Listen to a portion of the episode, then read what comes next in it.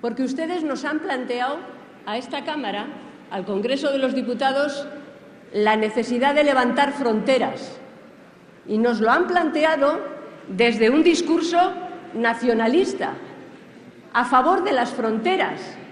No hay discurso más antieuropeo, más reaccionario desde un punto de vista ideológico que levantar fronteras en la Europa democrática.